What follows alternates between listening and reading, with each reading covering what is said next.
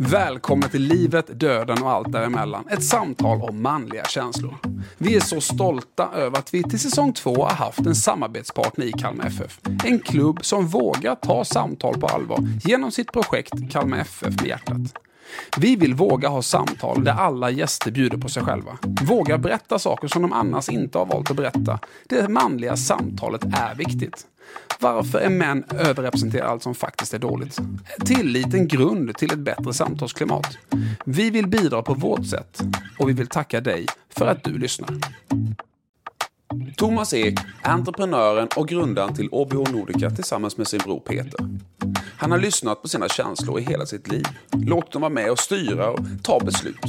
Efter sju år så hade de två bröderna byggt ett varumärke från 0 till 97 procents varumärkeskännedom. Gått ifrån en omsättning på 60 miljoner till nästan en miljard. Dagen efter försäljningen av OBH Nordica så fick brodern beskedet cancer. Två månader senare fanns han inte mer. Detta blir ett av de mest intressanta samtal jag någonsin har haft. Vi sitter vid fantastiska Sandbybadet på Öland, en av de häftigaste sommarstugorna, eller landetboenden, eller vad kallar du det här, Thomas Ek? Ja, det här är ju från början eh, ett fritidsboende som har eh, gjorts om till ett permanentboende då, av mm. förra ägarna. Mm. Med, med, hög skärmfaktor och eh, vi använder det ju som sommar, höst och vinterboende. Man blir ju alldeles kär när man är här. Alltså det är ju helt löjligt. Vi kom runt här och din fru Lotta hälsade oss välkomna och sen gick vi ner till badet och runt på alla de här små pittoreska delarna av den här tomten. Otroligt härlig miljö. Ja, det, Öland i stort är ju fantastiskt och eh, vi hade ju förmånen att hitta det här stället för sju år sedan.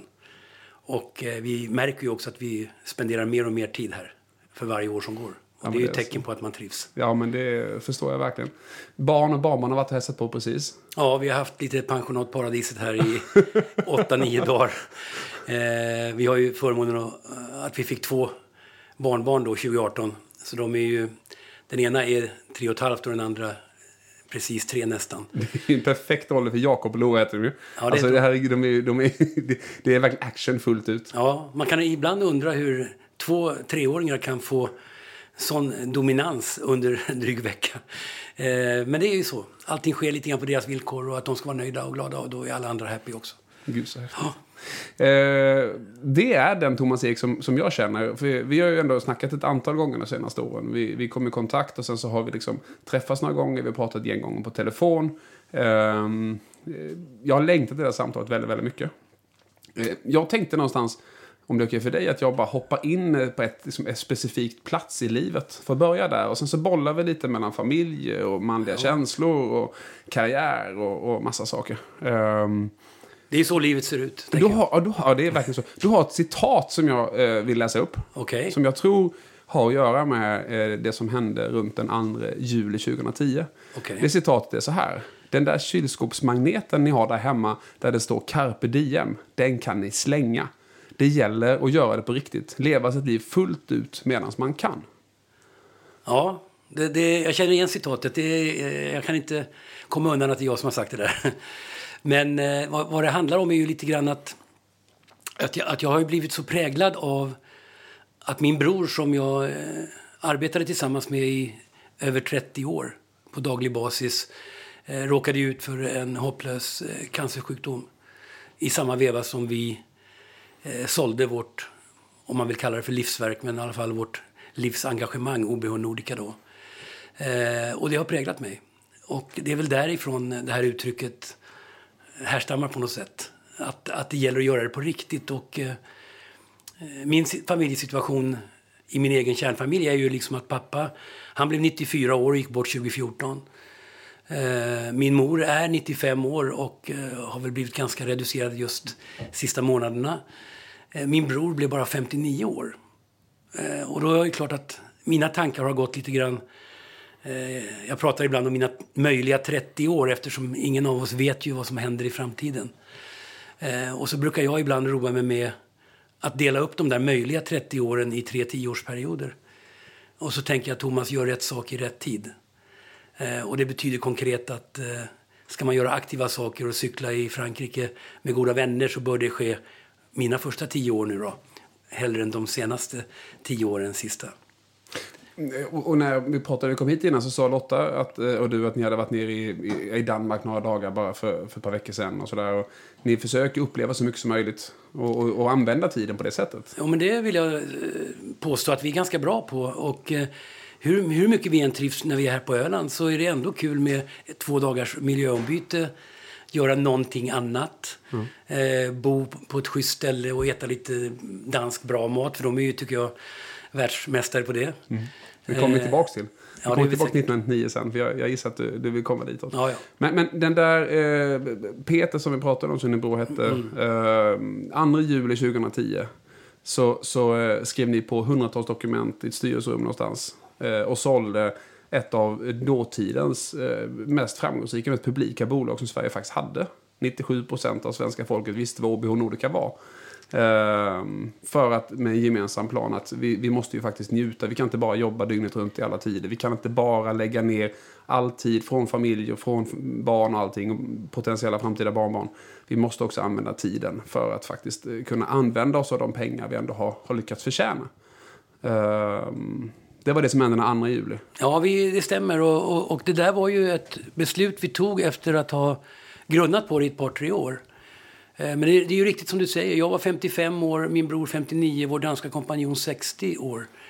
Eh, och min bror och jag drevs väldigt mycket av just det här att kunna skapa förutsättningar till ett annat, delvis annat liv än att klättra i fabriker, stå på mässor, ha 160 anställda och hålla igång den här apparaten som i tiden hade blivit ganska stor och omfattande.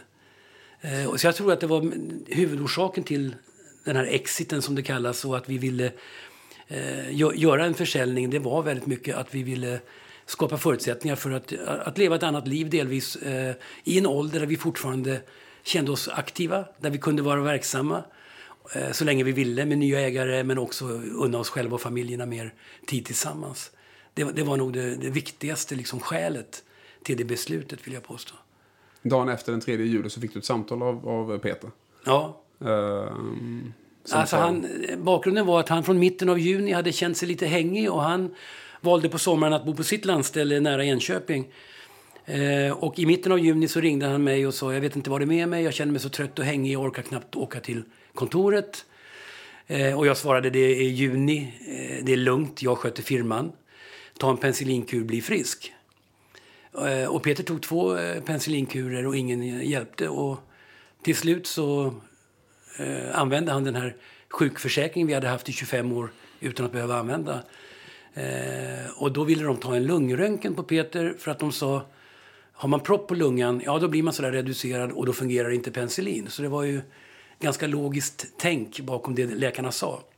Och de här röntgenplåtarna fick Peter svar på lördagen den 3 juli på Cityakuten i Stockholm. Och eh, det var inga problem med lungorna men de såg metastaser i levern på röntgenplåtarna och det var det Peter ringde och berättade för mig. Och jag hade kommit eh, hem från en sån här medioker tidig morgongolfrunda.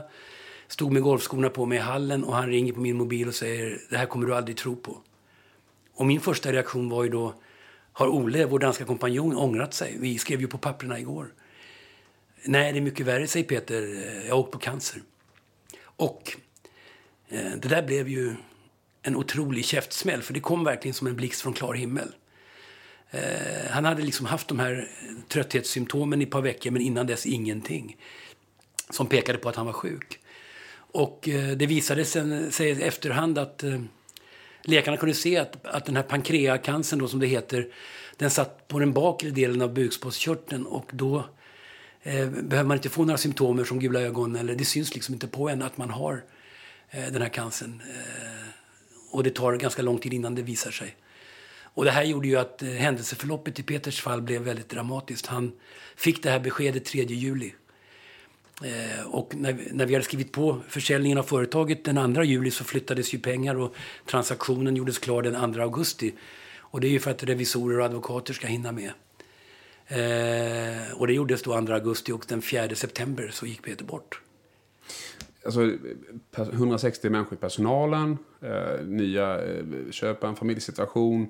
Vi gör en exit för att kunna. Eh, och två månader senare så, så, finns inte Peter längre. Och någonstans så du hade ju ganska mycket att hantera då. Det pratade vi inte, alltså många av samtalen jag lyssnade med dig om så här, så, ja, sen gick vi vidare och sen fick jag ja. jobba 18 månader till och, och sen blev det som det blev. Så där. Men hur, hur, hur liksom...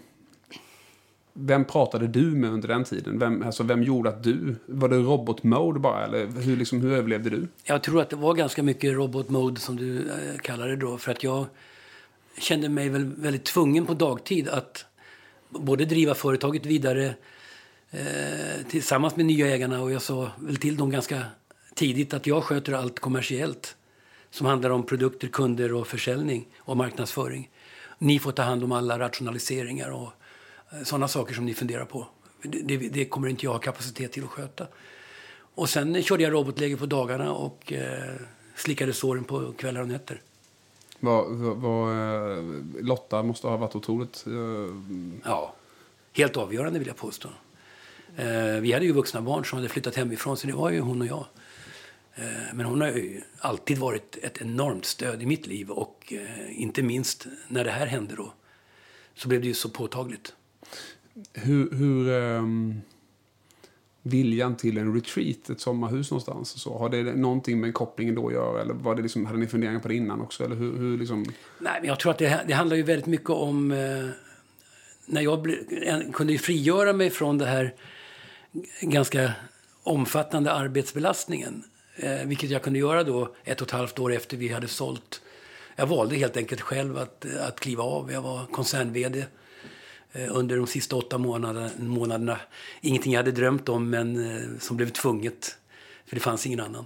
Eh, och jag är en typ av människa. Det var någon som sa att jag, jag har inte sagt nej sen jag var skolpolis. Och det ligger väl någonting i det. Mm. Jag har en tendens att ofta säga ja eh, utan att tänka mig för så mycket. Eh, för att jag tycker väl i grunden att livet blir lite mer innehållsrikt och intressant om man hellre säger ja än nej. Eh, som grundinställning. Sen måste man ju ibland säga nej av praktiska skäl. Men, men, men jag är nog ganska mycket så här eh, yes man. Det hette väl en film med Jim Carrey. Ja, men så är det verkligen. Eh, innan vi eh, liksom går tillbaka och börjar på lite eh, livet och familjen och det här. Eh, hade ni som umgicks ni nära Peters familj också?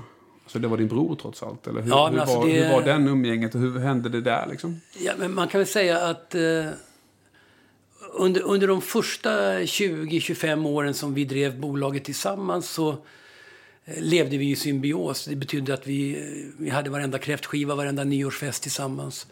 Vi hade samma umgänges, eh, vänner, fiskeklubben.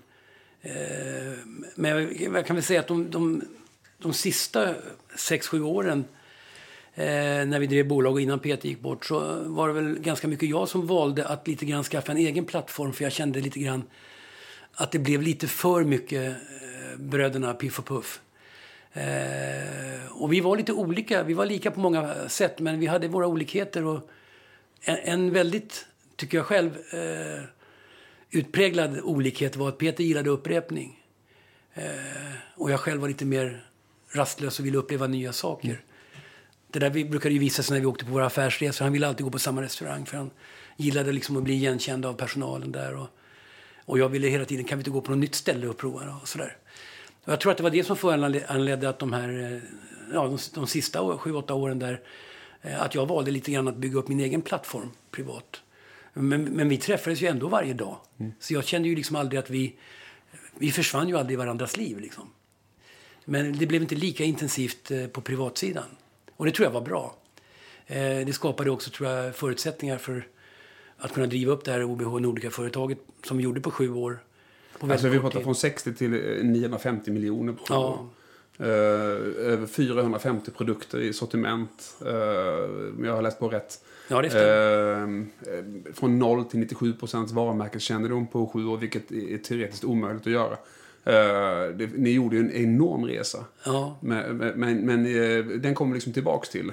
Uh, ja, jag det, det, liksom det, det som hände där på två månader egentligen, två och en halv. Ja. Nej, men jag tog, tog, väl, du ryggen för, tog du höjd för hans familj också så att säga? I det kände väl, jag kände väl, de, han hade ju tre barn. De har, han har ju tre barn då med, med sin fru. Och eh, de var ju också vuxna och eh, så. Och, och, väldigt, väldigt sådär självgående och duktiga på alla sätt. Eh, men, men det är klart att, att man... Eh, när vi förstod att det inte skulle gå bra så, eh, så vet jag att jag, vi kommunicerade en hel del. Eh, inte bara i samtal, men också med mejl och sådär. Och sms. Och, det var väl en sak jag sa, att jag alltid skulle hålla något slags vakande öga på dem. Vilket inte har behövts eh, överhuvudtaget, för de är otroligt både framgångsrika och eh, självgående på alla sätt. Men jag tror jag, det var väl någonting jag väldigt gärna ville förmedla till Peter. För att han skulle känna sig trygg då. Hela det här börjar ju egentligen på 60-talet. Sent 60-tal. Ja. När ni började jobba extra hos mamma. Eh, som var eh, vad jag förstår, displayare, säljare i eh, olika varuhus, Åhléns och pubhuset i Stockholm och sådär. Ja, hon åkte runt. Eh, varuhusen var ju de som dominerade på den tiden. Det var ju Domus och Tempo och Åhléns framför allt. Ja. Eh, och mamma jobbade som demonstratris och åkte runt på olika varuhus och demonstrerade den tidens hushåll och hårvårdsprodukter. Så det var, det var ju hon som tände vårt intresse. Eh, det var hon som ordnade helgjobb på något som heter B&V Stormarknad. Ute mot Bromma? Ja, det, precis. Ja. Bromma flygplats. Det, det gick upp i Coop och B&V finns ju inte som begrepp längre. Eh, men där jobbade jag själv sex år varje lördag söndag. Men vad jag förstått så var det, du var så bara typ 14-15 år när du började med det? Ja, det stämmer. Kan det stämma? Jag, jag började med första juljobbet på B&V. Då stod jag och demonstrerade batteridrivna leksaker vid ett sånt där filtklätt bord. Ja, ja, där alla föräldrar sa, stå här hos den här unga farbrorn, jag är 15 år. Så går mamma och pappa och handlar mat. Och de höll ju på att riva eh, fullkomligt hela avdelningen där. Eh, och sen kom jag ganska snabbt in på avdelningen för hushållsapparater som mamma jobbade med. Eh, och där hon jobbade som fast demonstratris. Eh, och sen gjorde jag sex år varje lördag söndag och sålde liksom kaffebryggare, brödrostar och för all del även lite vitvaror, tvättmaskiner och kyl. Men är det inte så att det här är en signal? Vi pratar ändå att OBH Nordica 2010 sen. Nu pratar vi sent 60-tal, början på 70-talet. Ja. Alltså, det, det, är svårt att göra någonting om du ska göra det riktigt bra som du inte kan från själen. Ni kunde verkligen, både du och din bror Peter, de ja. här eh, branschen. Alltså i dess beståndsdelar så kunde ni branschen. Jag tror, jag tror att det ligger väldigt mycket i det du tar upp nu. För att eh, vi kände oss alltid så trygga när vi senare i livet skulle vägleda våra butikskedjor. Och vi jobbade ju med i stort sett alla butikskedjor som finns i, i Sverige och Norden. Mm. Men när vi skulle vägleda dem och tala om vad vi tyckte att de skulle göra med våra produkter för att öka försäljningen så kände vi hela tiden oss trygga i att vi visste vad vi pratade om eftersom vi hade faktiskt stått på golvet själva och sålt de här eh, hushållsprodukterna. Men länge och mycket ju. Ja, alltså inte bara ett par helger, utan Nej. vi pratar länge och mycket. Och då behöver man inte bara prata om en gavelplats eller skepp två, utan då finns det annan substans bakom på något sätt ju. Jag, jag, jag tycker det, att, att vi kunde liksom förstå hela deras process hela vägen tills konsumenten handlade i butik. Mm. Och det där är någonting som jag ofta kommer tillbaks till och tycker generellt att, att vi människor egentligen i större utsträckning ska hylla de här tidiga erfarenheterna vi har. Det spelar ingen roll om du har jobbat på en glasskiosk på sommaren eller på ett ICA-lager på helgerna. Eh, de här erfarenheterna förr eller senare kommer man ha användning av. Och därför tycker jag att man ska liksom värdesätta dem. Eh, för, för min bror och mig betyder det otroligt stor skillnad. Och och våra konkurrenter hade ju ofta chefer och vd som liksom byttes ut var fjärde, var femte år. De hann ju aldrig riktigt komma in i branschen. Mm, och vi hade jobbat liksom i, dels i tonåren men sen efter det som vuxna i över 30 år tillsammans varje dag. Det är klart att vi hade ett visst kunskapsövertag. Ja, solklart. Ja. Eh, det där gick vidare. Så jag tror din eh, Peter, eh, 75 började han på det här importbolaget som hade ett antal agenturer. Ja. 79 eh, började du jobba där, fyra år ja. senare. Jag var fyra år yngre, så allting var, så det var samtidigt. ja, men det är klockrent. Jag har, jag har lagt märke till det flera gånger det har varit så, tycker jag det känns som. Uh, och det importbolaget i grunden hade, vad jag förstod, ett antal agenturer från början.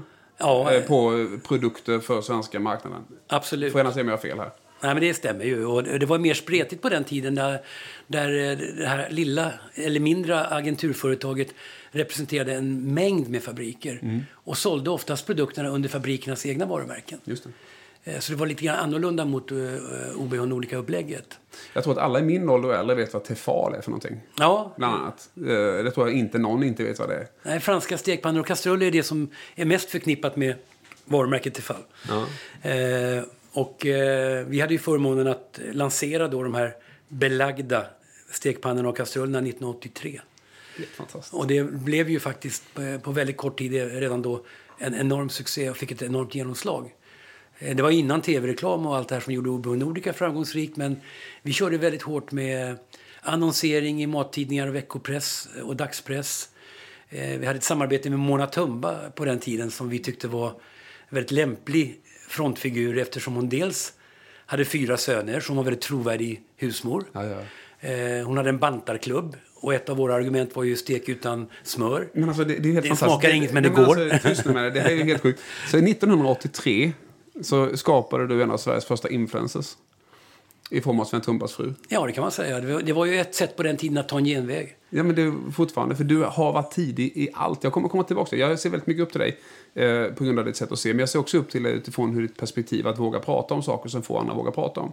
Ehm, och, men just det här att du faktiskt berättar nu, att du säger att du Någonting som företag fortfarande idag känner som en aha-upplevelse, upplever jag när jag, för jag pratar med mycket företagare varje vecka. Ja, vi kanske ska använda någon som för, företräder våra varumärken. Ja. Jo, men det är ju mer vanligt idag ändå. Och 1983 fanns ju knappt det på det sättet. Mer att man kanske är en Ingmar Stenmark och måste sälja en skiva Ja. eller så. Det var ju enkelt. Men Men jag tror ju väldigt mycket liksom att det ska finnas någon form av relevans i kopplingarna. Eh, Det blir lite för tunt tycker jag om en och samma kändis gör reklam för eh, elva olika varumärken. Då känner man ju någonstans att det är svårt att tro att, att engagemanget är så djupt. Va? Men jag tyckte att i det fallet så stämde det väldigt väl. Hon hade sin bantarklubb. Hon hade fyra söner plus Tumba, så hon var ju fembarnsmor. Barns, Tumba var ju barnsligast Ja, i ja, den familjen.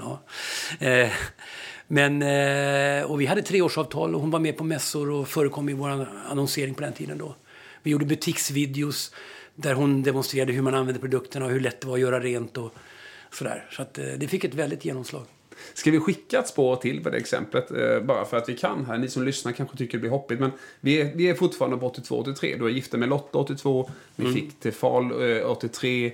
Eh, liksom, vi hå- håller kvar den tiden. För det finns ett annat exempel på hur du tänker som jag har fångat upp när vi har pratat.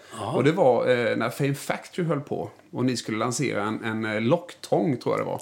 Du berättade för ett par år sedan för mig när vi pratade typ på telefon eh, lite snabbt. Ja, ja. Eh, ja. där du liksom såg ett Fame Factory-program där det var en, en kvinna som hade väldigt lockigt hår. Ja, väldigt, eh, hon Alltså- hade väldigt burrigt lockigt hår Ja. och hon förvandlade... Vi tittade ju på de här veckofinalerna eftersom bägge mina söner då har spelat i band och är väldigt musikintresserad själv och sådär. Eh, Så vi följde ju det här eh, i familjen och så såg jag då inför en sån här veckofinal hur eh, den här duktiga tjejen Ida Hedberg, som hon heter, förvandlade sin, sitt utseende genom att använda en plattång var det faktiskt. Ah, förlåt. Så att hennes burriga och lockiga hår blev helt förändrat och hela hon liksom stod fram i en ny dager. Och eh, jag satt framför tvn och bara skrek henne måste vi ha med i, i tv-reklamen. För det här var 2003. Ja. Eh, och då, eh, ja, då kände jag att eh, hur ska jag få tag i henne? Då visste ju alla att Bert Karlsson var inblandad i Fame Factory. Han syntes ju ibland i kulisserna där med eh, någon semla i handen. Och så tänkte jag, jag ringer upp Marianne Records, för det visste jag att hans bolag hette. Och eh, ja, då svarade de i växeln att ja, du vet det där. Jag, jag sa, jag är ute efter Ida Hedbergs mobilnummer. Kan du ge mig det? Ja, de där grejerna får du ta med Bert själv, sa de då. Och då ringde jag honom. Jag fick hans mobilnummer. Och så, så han satt i bilen. Eh, Och han stänger ju aldrig av sin mobil. Det har man ju sett på tv. Så att han svarade då eh, på resande fot och sa, Jaha, vad sa du att du hette? Sa du vad hette företaget? Vad omsatte ni? Hur många anställda är ni? Och sen, alltså han ställde ju så här 20 frågor till mig innan jag fick öppna munnen. Eh, och det är fan inte dåligt, sa han. Det har ni gjort bra. Och sen så fick jag hennes telefonnummer och ja, avtalade en, en träff nere i Göteborg där hon då bodde på den tiden. Hon hade med sig sin dåvarande pojkvän som hade vunnit Fame Factory. Eh, som förkläde. Det kom en läskig farbror från Stockholm som eh, ville att jag ska göra reklam för eh, hårvårdsprodukter. Men eh, det ledde till att vi spelade in på Filmhuset i Stockholm. Eh, jättebra blev det. Och, Alltså det, jag bara vill tungt att koppla ihop det. För hela, någonstans att fånga stunden, att hitta personen, att hitta grejen. För att maximera effekten för butiken och kunna sälja produkterna. Det började redan tidigt 80-tal. Eh, och det, som, det fullföljde hela vägen egentligen. Och det är fortfarande en del av det. När du rådger andra företag så ser du fortfarande ut och letar efter lämpliga representanter. Så det, är Ja. som, det har blivit en, en insikt där, där du har stuckit ut i min värld som marknadsansvarig, kommunikationsansvarig för den här jättekoncernen som den ändå blev. Ja, Det handlar ju någonstans om eh, att göra ta genvägar för att eh, vinna tid. Eh, och, och, det stämmer ju att när jag föreläser, som är det jag gör mest idag, då, inte under pandemiåret, då har det varit väldigt lite, men annars, då, då, är det ju väldigt mycket det här med cross-marketing och de möjligheterna som finns i det. För jag anser att de flesta företag och marknadschefer och VDR eh, går miste om möjligheter för att de inte riktigt har tid. Va? De avsätter inte tid att tänka efter med vem eller vilka skulle jag kunna göra gemensam sak eh, där vi båda kan liksom komma ut som vinnare. Eh, och de där möjligheterna finns, vill jag påstå, för alla varumärken och alla företag. Men det jobbas för lite med det. Eh, och jag upptäckte ju hur mycket det gav och hur mycket tid vi vann. Så att jag blev nästan besatt av eh, de här möjligheterna. Jag älskar när man ser det så tidigt. Och när man liksom fullföljer ändå någon form av tanke. Eh, riktigt, riktigt roligt.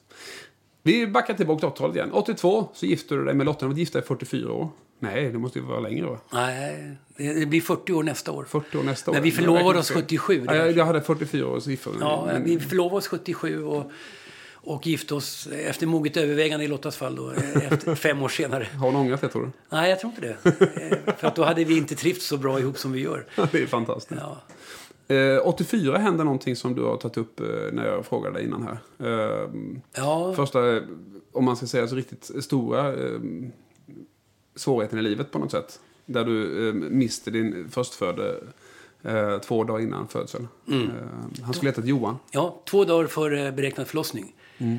Så var det dags för eh, sista besöket på mödravårdscentralen och jag hade då med det liv jag levde och den arbetsbelastning jag hade inte varit delaktig och inte varit med på eh, varken profylaxkurser eller de här besöken. Eh, vilket kan låta hemskt, men det var lite grann betingat av att vi hade så förtvivlat mycket att göra redan på den tiden. Och, eh, och jag är glad och tacksam för att jag ändå jag såg till att vara med då på det här sista besöket två dagar före beräknad förlossning. För då, då var vi på, eh, hos en, eh, på mödravården då, som det heter.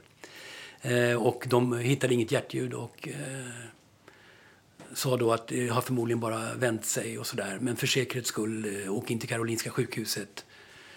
Eh, och vi kommer in där och de gör ultraljud och jag ser ju på en skärm, jag sitter ju bredvid Lotta och ser ju att eh, barnet ser inte levande ut eh, på de här konturbilderna som kommer fram. Eh, men törs inte säga någonting. Och inte de här sjuksköterskorna heller som givetvis ser vad som har hänt. Så att de tillkallar Dr. Belfrag och han eh, kommer ner och får då göra en ny ultraljudsundersökning där han konstaterar eh, och informerar oss att tyvärr ert barn eh, lever inte. Och det var ju extremt tufft. Var liksom, eh, hur togs det emot? Eh, mamma, pappa, eh, omgivning? Alltså, ja, det var ju... Jag menar, det är ju ett färdigt foster i magen. Nu ska man ju veta att det här händer ju tyvärr lite mer ofta än vad man i allmänhet tror. Och, och det märker man speciellt när man har varit med om det själv. För då är det plötsligt någon som säger att min kusin var med om samma sak. Och du vet, min granne, de upplevde något liknande och sådär. Eh, så att det är inte helt ovanligt. Och jag, det kanske är någon form av trösttänkande. Att jag har försökt tänka att, att det är egentligen mer märkligt att det går så bra. Mm. I, I liksom 98 procent Fast där och då kan man inte ha tänkt Nej, då kan man inte det. Nej. Det var ju jättetufft och eh, vi, vi bearbetade ju även det, det jobbiga tillsammans och så gott vi kunde. Och, Pratade du och Peter mycket om, om de här sakerna tillsammans? Eller var det bara business liksom? Ja, det, det, är klart att det var ofrånkomligt. Men det är ju också lite grann sådär... Lite annorlunda med syskon och familj. Men alltså vänner och bekanta blir ju lite sådär att de flyr ämnet. Eh, det var ju sådär, sammankomster då med gänget. Och ska vi ta med våra nyfödda barn då när Thomas och Lotta kommer? Eller det, blir det bra? Och sådär. Och jag tror ju lite grann att, att den bästa rehabilitering när man har varit med om någonting jobbigt och tungt. I alla fall var det så för oss. Att det är att prata om det, att våga ta upp det Eh, det där fyller två funktioner som jag tänker. Och det ena är att vi stärks ju av att klara av att prata om det som har hänt. Så vi bygger upp oss själva mm. som en ren terapi. Mm. Eh, och dessutom att man då avdramatiserar eh, till sin omgivning och talar om att vi klarar faktiskt av att prata om det. Vi mår faktiskt till och med bra mm. av att prata om det. Och inte försöka liksom dölja det och sopa under mattan. Och, så det, det är ett, ett råd i all välmening som jag gärna ger till människor som drabbas av förluster, för det gör vi ju alla människor förr eller senare. Eh, och det är väl liksom att inte fly undan utan försöka våga liksom ta tjuren i hornen eh, och, och, våga ta upp det, våga prata om det. Och därigenom stärka sig själv. Vi pratar väldigt mycket om tillit i de här samtalen. Uh, tillit är någon form av grund för att man ska faktiskt må bra med sin omgivning, eller sitt företag eller sin personal. Och jag vet att du någonstans sa att uh, det var först när, när du efter ett antal år idkade tillit mot din personal fullt ut som det blev bra. Ni delade agenda, då hade tillit till deras kapacitet, ja. deras integritet och deras resultatfokus. Du behandlar dem som vuxna istället för som liksom, någonting som, jo men ni ska lära av mig först och sådär. Men jag upplever att du i de här samtalen, vi pratar om dina känslor, har ganska, du har varit bra för, även privat kan man idka tillit ja. till folk och sig själv. Uh, för att liksom komma vidare, någon form av resultat. Att okej, okay, nu tar jag mig vidare ändå. Det ja. gör oerhört ont, men jag tar mig vidare genom att ha visat tillit till mig själv och min omgivning. För att, ja, det ligger mycket i det du säger, absolut. kan du känna igen den ja, liknelsen på något sätt? Fast ja. det är privat och business, men det är ändå samma grundtankar liksom. Ja, det, och det lustiga kan jag tycka sådär när man reflekterar över eh, mitt tidigare yrkesverksamma liv är ju att man i 15-20 år sprang först. Min bror och jag sprang först och alla hjälpte till. Mm. Eh, I någon tro av att man var en jättebra chef som hade svar på allt och gav alla lösningar. Och talade om gör så. Och uppstod det problem så jag ring till fabriken, ber om flygfrakta, gör så. Eh, och så tyckte man att vilken bra chef jag är, mm. eller ledare som har svar på allt och löser allt på 10 sekunder. Men vad man egentligen gör är ju att man man vinklipper sin eh, personalorganisation. Mm. Eh, de får ju aldrig chansen att tänka själva. Och det märkliga är att det ska ta 15-20 år innan man förstår det där fullt ut. Men då blir det kanske också jättebra. För jag, jag tror inte, vi, vi, brukar säga att eh, någon form av grund till att må dåligt är att ha för mycket självmedvetenhet. För mm. det som var igår var eh, helt okej, okay, är imorgon någonting vi inte kan leva med. Alltså det är så lätt att, att med ökad självmedvetenhet få så många val. Ja. Och sen viljan i det att allt göra rätt gör att man generellt mår sämre. För det, hur ska jag göra rätt? Ja. När det som var okej igår inte är någonting man kan leva med imorgon. Hela tiden är det ju så. Ja. Och i det här fallet så kan man säga, hur kunde vi? Men det var ju rätt det som hände igår var rätt då, det, gör, det påverkar inte det som händer imorgon. För imorgon tänker jag så här. Och det är väl det som är styrkan kanske, att när man väl kommer in i det då, att man faktiskt ser den möjligheten och inte håller på att fundera på varför jag inte tidigare gjorde, utan nu gör jag så här och framåt, för det är det jag vet nu. Det är aldrig för sent att tänka om, Nej, men det är inte en, det, sann klyscha liksom. Nej, det är sant. Ja. För det som igår var okej är någonting vi imorgon, vi vet ju inte vad som inte är okej imorgon. Nej, och jag, men jag, jag, kan ändå liksom säga man kan, man kan i efterhand tycka lite grann så där borde vi väl ha insett lite tidigare. Men det, allting är ju lättare att se i efterhand och vi kunde ju se hur våra medarbetare hur de växte när de fick ta eget ansvar. Så jävla coolt. Och jag tror liksom att ledare och chefer i allmänhet och i organisationer och i företag ibland ska liksom stoppa upp, eh, tvinga sig själva att tänka att dina medarbetare är vuxna människor. De får handla på systemet, de får rösta var fjärde år. Många av dem har körkort. Kan de ta egna beslut? Det är klart de fan att de kan. -huh. Men ändå är det där så svårt i, i vissa lägen att ha insikt i. Mm. Eh, så det, det, tror jag liksom eh, är, ett handfast råd till chefer och ledare hur, hur, man kan påskynda utvecklingen. Människor växer när de får chansen. Häftigt. Ja. Importbolaget tog ni över ägandet på 86. Stämmer, ja. Vi var, jobbade som anställda i, i mitt fall i sju år då, min brors fall 11 år, Peter. Mm. Och eh, 1986 så blev en situation där då, eh, de som ägde oss vid det tillfället skulle säljas till ett större bolag, Jonsson-koncernen. Eh, och i den vevan så lite grann blev min bror och jag sålda eh, i paketet. Mm. Men kände efter tre månader att vi passade inte in i den här stora eh, organisationen med alla bolag eh, och jättekoncern eh, där man ska hålla på och skicka veckorapporter. Vi ville ägna vår tid åt att handfast skapa försäljning, hitta nya produkter och lyckas lansera dem. Eh, och då tog vi upp en diskussion eh, med de som hade sålt sin lilla, sitt lilla handelshus och som då ägde oss att vi ville bryta ut det här importföretaget. För vi tyckte inte heller att bolaget passade in i den här stora koncernen. Det. Och det möjliggjordes då eh, genom att min bror och jag helt enkelt vi fick låna 25 000 kronor var för att starta ett aktiebolag som sen kunde gå till banken och låna de eh, miljoner vi behövde för att köpa bolaget. Det var inte jätte det var lite skillnad då. Det, det, var lite skillnad också på banken eh, då och idag kanske. Ja, på 90-talet hade det inte gått för då hade det varit två lågkonjunkturer. 80-talet var fortfarande möjligt. Eh, 86 föds Joel, 89 ja. föds Niklas. Två eh, fantastiska pojkar som du har pratat mycket om. Ja. Som, som liksom blev eh, upphöjt till två eh, som kompensation för, för det som tidigare hänt kanske. Jag tror att det framförallt var så viktigt för oss att vi ganska snabbt eh, kunde få ett barn till. Mm. Eh, det gick ju liksom bara ett och ett halvt år efter Johan så fick vi Joel. Och, och, och det där tycker jag är så spännande. För att jag vet ju att vi, hoppar fram lite tid, så 98 så säljer du 50% alltså din del av det importbolaget, eh, till din bror, vad jag förstod.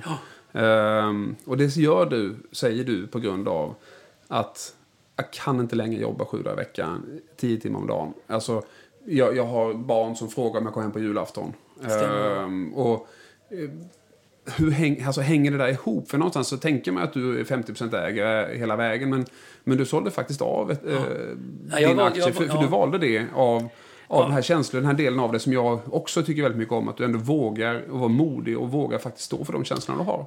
Ja. På något sätt. Ja, men jag, jag kände ju, jag hade gått och grunnat på det där en tid och det är ofta så med eh, mogna beslut. De har man ju gått och grunnat på en tid och, eh, och jag kände att det var, jag kände att jag fick försaka för mycket.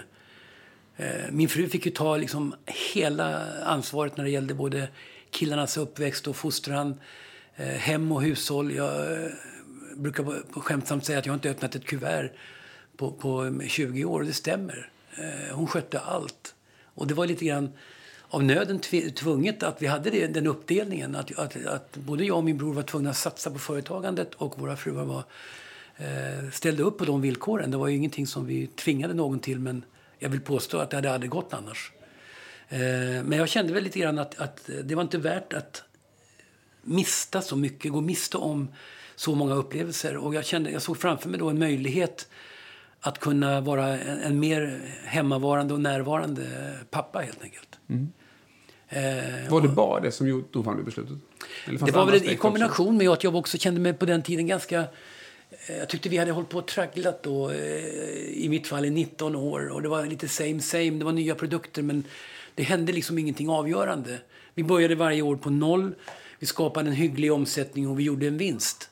Men vi fick aldrig en utväxling som jag tyckte vi var värda med tanke på arbetsinsatsen.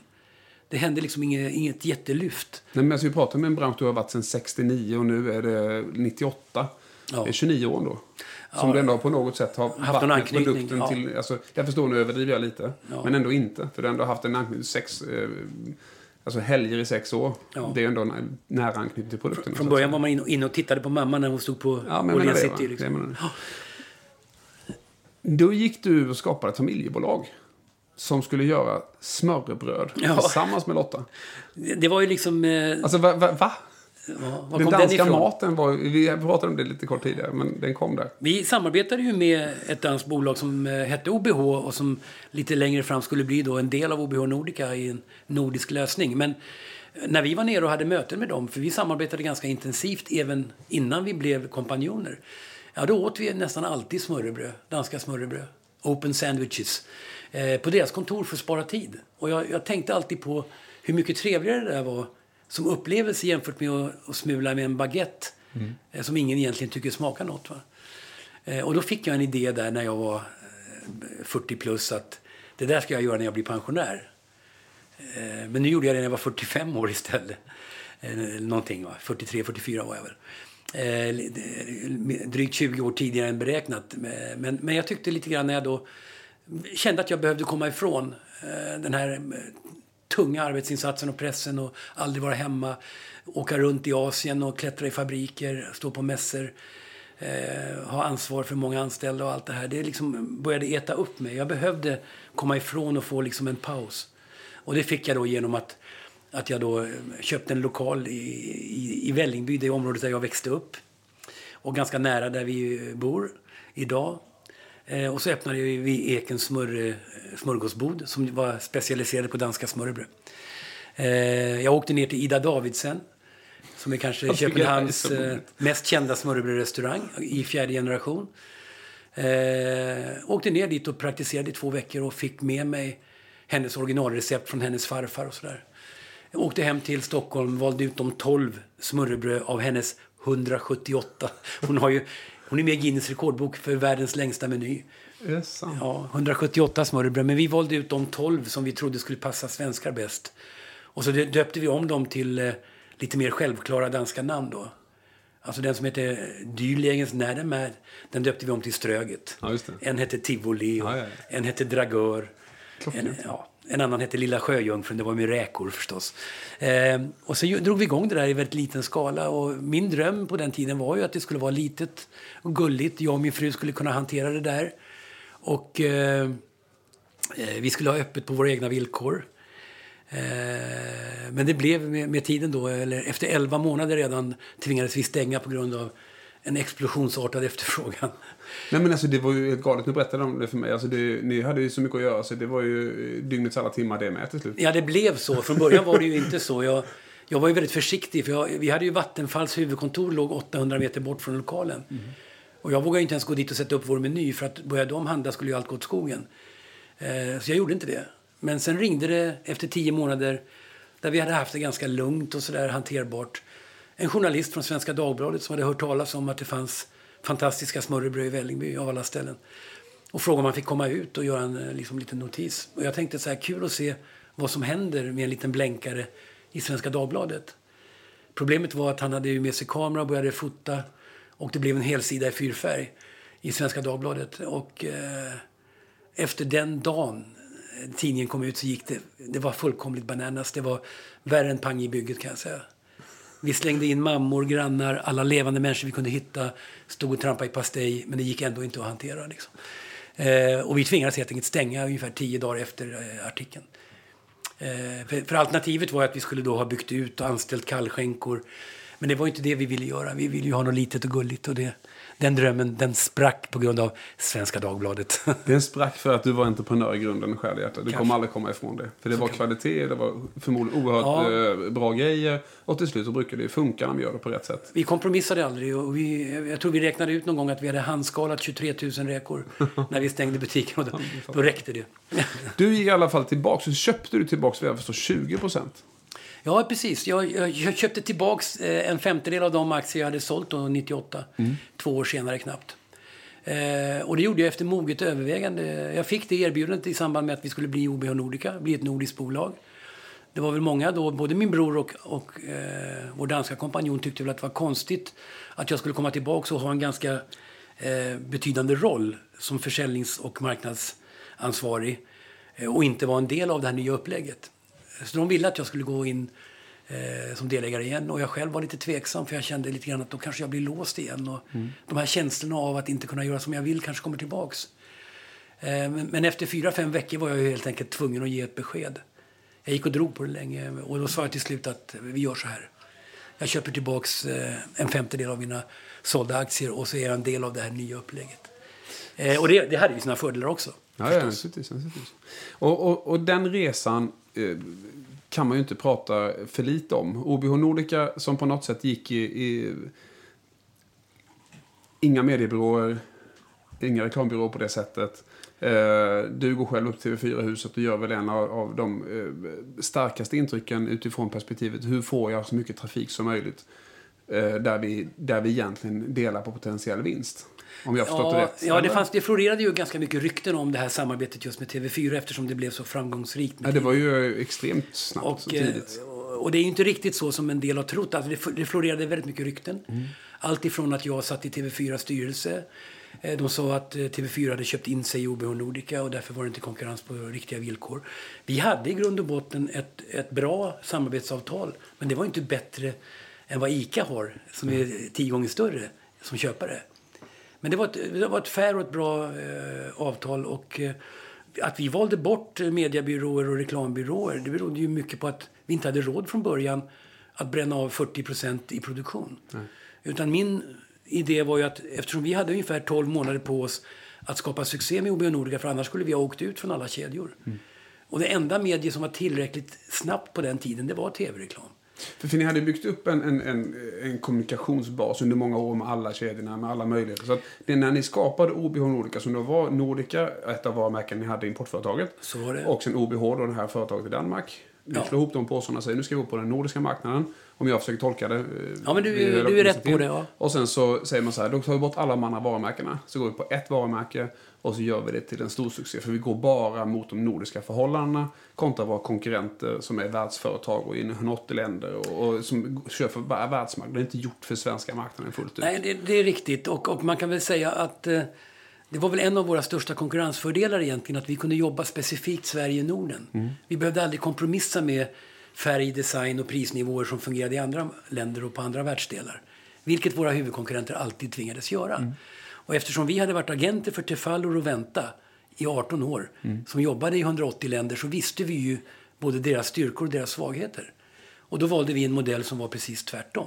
Och det innebär ju då att då fick ni ju egentligen bra jobbat i alla år. Ni har stått för era ord.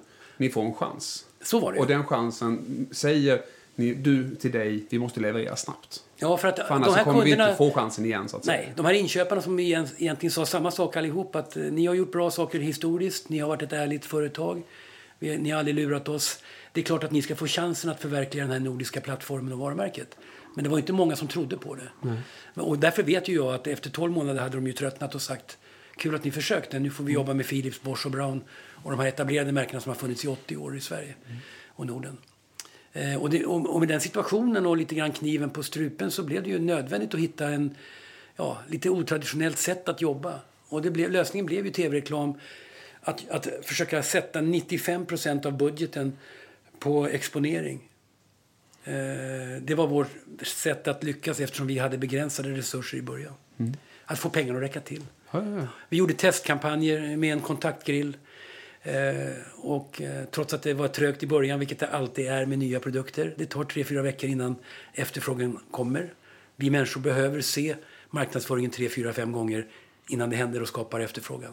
Det visste jag inte i början, så jag var ju väldigt nervös när vi liksom hade bränt av hela vår marknadsföringsbudget på den här grillen som inte rörde sig i början.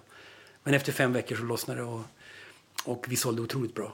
Vilken, alltså chiliserien var ju er största succé. Eh, om jag, Ja, den här röda- Ja, den eh, röda och det Chiliröda. finns en härlig historia bakom den. Men, men vilken av alla era produkter eh, blev den största, alltså the big sale? Eh, om man tittar igenom de här sju åren som ni gjorde det här varumärket innan ni gjorde exiten. Ja, Det, det, det finns lite olika sätt att se på det där. Men om, om man säger så här, vi, vi hade ju när vi stod på toppen där hade vi ju 50% marknadsandel på brödrostar. Vilket tycker jag är ganska häftigt när det finns liksom 15 till 20 varumärken. Eh, så att va- varannan krona som eh, investerades i brödrostar gick till OBH Nordica. Det, det, det kan jag tycka var rätt häftigt. Sen var det ju fördelat på så många olika modeller. Eh, om man tittar mer på spjutspetsar och sånt som vi tyckte var roligt att lyfta fram där vi kunde göra skillnad så tycker jag eh, dels att vi kunde sälja 700 000 popcornmaskiner. Eh, vilket ingen människa behövde. Eh, genom att vi skapade ett bra sug i samband med att alla skulle skaffa hemmabio i form av platt-tv och sensurround-ljud. Då kom vi med popcorn som var en naturlig koppling till biokänslan. Eh, och lyckades då liksom komma Du med- menar 700 000 popcornmaskiner? Ja, sålde vi i, framförallt i Sverige, men e- även i, alltså i Norden totalt. Men de, de flesta såldes i Sverige. Vi sålde ju en knivslip uppfunnen i, eh, i Sverige som eh, tillverkades i liten skala för slakterierna i Danmark. Ett par, tre hundra om året. Och, eh, jag vet att den eh, knivslipen har sedan 2007 fram till idag sålt över 900 000 i Norden. Otroligt. Och det var kul att komma med någonting som ingen annan hade och att kunna göra skillnad. När man kände att man hade någonting som hade förutsättningar att lyckas, fick de svar man ville ha och sen våga liksom blåsa på och investera x antal miljoner till i tv-kampanj för att vi kände att det flög. Det var ju en otroligt häftig känsla när man eh, jobbade med försäljning och marknadsföring. Med den bakgrunden så tror jag än mer att vi pratar om ett, ett faktiskt aktivt affärssamarbete sedan 1979, förutom året 1999 med din bror. Ja, det stämmer. Ni skrev på papper den 2 juli 2010. Hundratals dokument. Ja, Och den 3 juli så fick han beskedet om sin cancer. Ja. Och den 4 september så gick han bort. ja, när ni skulle njuta Ja. av, av hela eh, eftermälet så att säga. Efter alla dessa år jag- jag av tycker dygnet runt-arbete. Jag tycker generellt att, att... Jag vet ju att alla människor som lyssnar nu och i allmänhet har ju, har ju vänner och bekanta och grannar och släktingar som drabbas av den här förbannade cancern. Så att det är inte så att jag per definition säger att Peters cancer var värre än alla andras. Men jag tycker att den brutala tajmingen i hans fall, den var orättvis. Att inte få njuta frukterna av någonting av det som vi hade jobbat så hårt för. Det var orättvist. Den där kylskåpsmagneten ni har där hemma där det står carpe diem, den kan ni slänga. Det gäller att göra det på riktigt, leva sitt liv fullt ut medan man kan. Där började vi citatet Ja. idag. Ehm, jag har två saker till som avslutning. För vi ska ju avsluta i dur naturligtvis. Eller hur? Vi ska ju inte avsluta sådär. Men innan dess, varför tror du att män är överrepresenterat i allt som är dåligt? Otroligt svår fråga. Ja. Jag skulle vilja vända på det och säga varför är kvinnor överrepresenterade i allt som är gott? Ja. Men det får jag inte. Nej. Eh, nej, jag tänker väl lite grann att Alltså, det finns ju någonting i det manliga, nu, nu generaliserar vi och det får man ju inte göra. Ja, men, det, men det jag gör det för att vara tydlig. Och jag tror ju att det finns någonting lite grann nedärvt i, i det manliga beteendet som handlar väldigt mycket om eh, nödvändigheten av att vara framgångsrik, nödvändigheten av att lyckas, nödvändigheten av att vinna, eh, träffa den snyggaste flickvännen. Eh, alltså massa saker som vi män eh, driver upp och sätter som mål för oss själva. Och därigenom kanske fallet också blir lite större när det inte går som vi vill. Va? Det tror jag kan vara en viss skillnad mellan manligt och kvinnligt om man då tillåter sig att generalisera. Ja, men det måste man få göra ibland. Och jag, jag, jag, tänker, jag tänker, vi har ju anställt genom de här alla dryga 30 åren alltså hundratals människor och medarbetare. Och där kan man ju också se vissa skillnader mellan manligt och kvinnligt. Och återigen, det här stämmer ju inte för, för alla och en var. Men generellt igen, eh, väldigt ofta var det ju, upplevde jag, eh, männen som var på anställningsintervju, ingenting var problem. Klarar du det? Fixar du det? Kan du göra det här samtidigt? Jajamensan, inga problem. Eh, Medan kvinnorna i mycket större utsträckning var, mm, det vill jag nog fundera lite på. Eh, vad blir konsekvenserna av det? Alltså har ett bättre konsekvenstänk mm. än män eh, har mycket, mycket mer torrt under fötterna när de tackar ja till en anställning och levererar över förväntan i, i stort sett i samtliga fall. Mm. Medan kanske på den manliga sidan var det ett, ett större flertal som eh, inte blev bra varje gång på grund av att man hade målat upp och lovat ut för mycket från början. Och jag vet inte om det där har någon relevans med manligt beteende. Eh, det finns många skalor på den löken. Så kan man säga. I alla det. typer av män, ja. alla typer av familjesituationer. Och ja, men jag tror liksom att frustration är ju en drivkraft till mycket elände i världen. Mm. Och jag tror att frustration uppstår eh, när vi människor på något sätt känner oss misslyckade eller eh, inte tycker att vi har fått chansen och möjligheten att förverkliga oss själva. Jag tror att du är en väldigt uppskattad eh, talare och föreläsare. Och, farfar och allting vad det är för någonting. Tack vare att du faktiskt ändå bevisligen genom åren har tagit ett antal beslut som bygger på eh, känslor, där känslorna får vara viktiga. Eh, ja. där, där, och du har, fått, du har fått ett par rejäla snytingar. Men ändå valt att ta det vidare utifrån ett perspektiv som inte har varit slå mig på bröstet och titta vem jag är. Utan på något sätt ändå sagt okej, okay, det här gör jätteont, vi måste göra det här tillsammans och, och ja. sådär. Så upplever jag det utifrån. Kan du ja, förstå jag, vad jag menar då? Ja, men, och jag tror, jag tror att det det, det är alltid så svårt att analysera sig själv och det är nästan till omöjligt. Men jag tror ju lite grann att jag, och för all del min bror Peter samma sak, att vi var ganska trygga i våra roller arbetsmässigt. Vi vågade ta, prova och testa nytt, vilket jag tror är det som är, eh, både i livet och i företagande, det som driver det framåt. Jag, jag har inte varit rädd för att misslyckas. Jag har bara sett det som en ny lärdom som jag kan dra nytta av och göra någonting annat, om det skulle ske. Eh, och jag tror att det där att man inte är så rädd för att göra fel, inte är så rädd för att misslyckas, det är det som skapar förutsättningar till att hitta rätt i livet lite grann. Och jag känner mig ju också, eh, sådär, jag är 66 år nu. Eh, och jag vet ju liksom att eh, jag, jag, är inte religiös. Eh, jag har inte någon tro på livet efter detta. Utan vad jag lever för och försöker agera efter är ju att jag tror ju liksom att värdet av mitt liv, ja, det kommer ju vara alla de saker jag har hunnit göra. Minnen? Ja. Och framförallt inte behöva tänka på att man har saker man borde ha gjort och inte har gjort. Min bror var ju otroligt stark eh, när han visste att det inte gick att rädda honom. Han var 59 år. Han sa att jag har på de här 59 åren upplevt tre gånger mer än de som är 90 år. Så jag har ingenting att vara missnöjd för. Han sa det är jävligt tråkigt att inte få vara med. Ni blev tillsammans Entrepreneur of the Year 2012. Om jag inte minns rätt. Förlåt? Ni blev tillsammans Entrepreneur of the Year. Ja, 20, 2010, 2010. samma år som vi sålde bolaget och mm. Eh, Peter gick bort. Så det var också så ja, tragiskt. Jag bodde ju hemma hos Peter under fyra av de sista eh, dygn, tio dygnen. Varav de två sista. Eh, och då fick jag ett mejl, för Peter var ju inte så kontaktbar större delen av dygnet då, på slutet. Men då fick jag ett mejl från Ernst Young, som de hette, EY numera, en stor revisionsbyrå. Eh, där de ville nominera oss till Entreprenör of the Year i Stockholm och Mälardalen. Och eh, vi hade aldrig brytt oss om såna här gasellutnämningar och årets företagare. Vi, vi hade aldrig tid med sånt eftersom vi alltid prioriterade våra produkter och försäljningen. Men givet situationen så kände väl jag att det var någon mening med att det kom just i den här situationen när Peter var döende. Och, eh, jag svarade på det här mejlet och sa att vi accepterade nomineringen och att förutsättningen var att jag kunde representera oss bägge två.